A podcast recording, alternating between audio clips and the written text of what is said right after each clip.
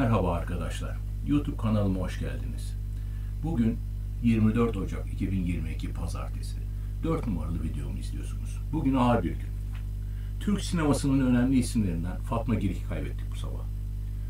2007'de bugün yakın zamanda tartışmasız en başarılı dışişleri diplomatı İsmail Cem'i, 2001'de efsanevi Diyarbakır Emniyet Müdürü Gaffar Okkan'ı, 1993'te de duayen araştırmacı gazeteci ve gerçek solcu Uğur Mumcu'yu kaybettik. Yazdığı makale ve kitaplarına sadece bugüne kadar olanlara değil, bundan sonra da ne olacağına ışık tutabilen bir yetenekti. Bu dört insan Atatürkçüydü, laikti, mücadeleciydi ve bu toplum tarafından çok sevildiler. Nurlar, nurlar içinde uyusunlar, yattıkları yer incitmesin. Bu haftanın meteorolojik olarak zor geçeceği belliydi. Üstüne üstlük İran tarafından doğal gazda doğal gazda kesinti nedeniyle sanayide çarklar durdu. Yurt dışına yapılan doğal gaz ödemelerinde geçme söylentileri sonrası şimdi de yazdan itibaren stratejik doğal gaz stoklarının tüketildiği iddiası yer aldı basında. Muhalefetin bu konuda da laf atma dışında bir politikasını görmedik maalesef. Bu konu gelecek dönemde hem arz açığı yoluyla enflasyonist baskı yaratacaktır hem de ihracatın şiddetli bir şekilde düşmesine neden olacaktır. Muhalefetin acil olarak bu konuda araştırma yapıp elde edilen bilgiler ışığında mecliste soruşturma talep etmesi gerekmektedir. Hafta sonu Ekonomi Bakanı'nın bazı ekonomistler ve akademisyenlerle yaptığı toplantı ve bu toplantıda konuşulanlar piyasadaki gerginliği katladı. Her ne kadar Sayın Bakan piyasa ile iletişim kurma gayreti içinde ise de ağırlıklı olarak ekonomi dışı söylemleri kullanması ekonomideki güven açığının iyice artmasına sebep oldu. İddiaya göre ise Ekonomi Bakanı vitrin ve iletişim amacıyla orada tutuluyor. Gene aynı iddiaya göre ekonomi aslen saraya yakın üç akademisyen kökenli isim tarafından yönetiliyor. Ciddi eleştiri hak eden bu durumda iyi taraf olarak en azından teknik ekonomi bilgisinin görünenden daha fazla olduğunu söyleyebilirsin. Fakat 1994'te sadece akademik seviyeyle sınırlı ekonomi bilgisiyle yaratılan faciayı tecrübe ettik.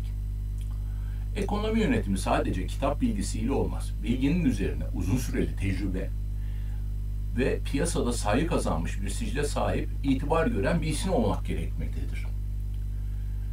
Son üç buçuk senedir baş aşağı giden ekonomik performansa rağmen AKP'nin hala açık ara birinci parti olması muhalefetin etkisiz olmasındandır. Muhalefet bloğunun hala proje üretememesi, tartışmaya değer bir ekonomik politika ortaya koyamaması ve muhalefet bloğunda yer alacak partileri ve bunların ittifak içerisindeki rollerini hala net olarak tanımlayamaması ciddi bir problem teşkil etmektedir.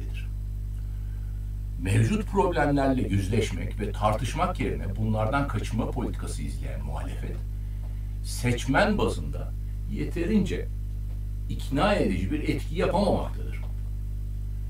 Muhalefetin meclisteki temsilcileri ise büyük bir atalet ve rahatlık içinde sadece sosyal medyada provokatif mesajlar paylaşmaktadır. Şu anda alınacak bir baskın seçim kararı muhalefet açısından hüsran ile sonuçlanacaktır. Muhalefete gitmeyen oyların hangi parti tarafından nasıl hedefe konulacağı bile görev tanımı olarak verilmemiştir. Cumhur İttifakı'ndan ayrılmış olan büyük kararsız bloğun İyi, para, İyi Parti tarafından hedeflenmesi ve bunun için CHP milletvekilleri veya diğer yöneticilerin bu çalışmaları görmezden gelip, gelip aklına gelen söylememesi lazımdır örneğin. Kürt seçmene yaklaşım ise CHP'nin yetki ve sorumluluk alanında olmalıdır. Bu konuda da İyi Parti mensuplarının söylediklerine aşırı dikkat etmesi gerekmektedir. Böyle bir koordinasyon ne yazık ki görmüyoruz.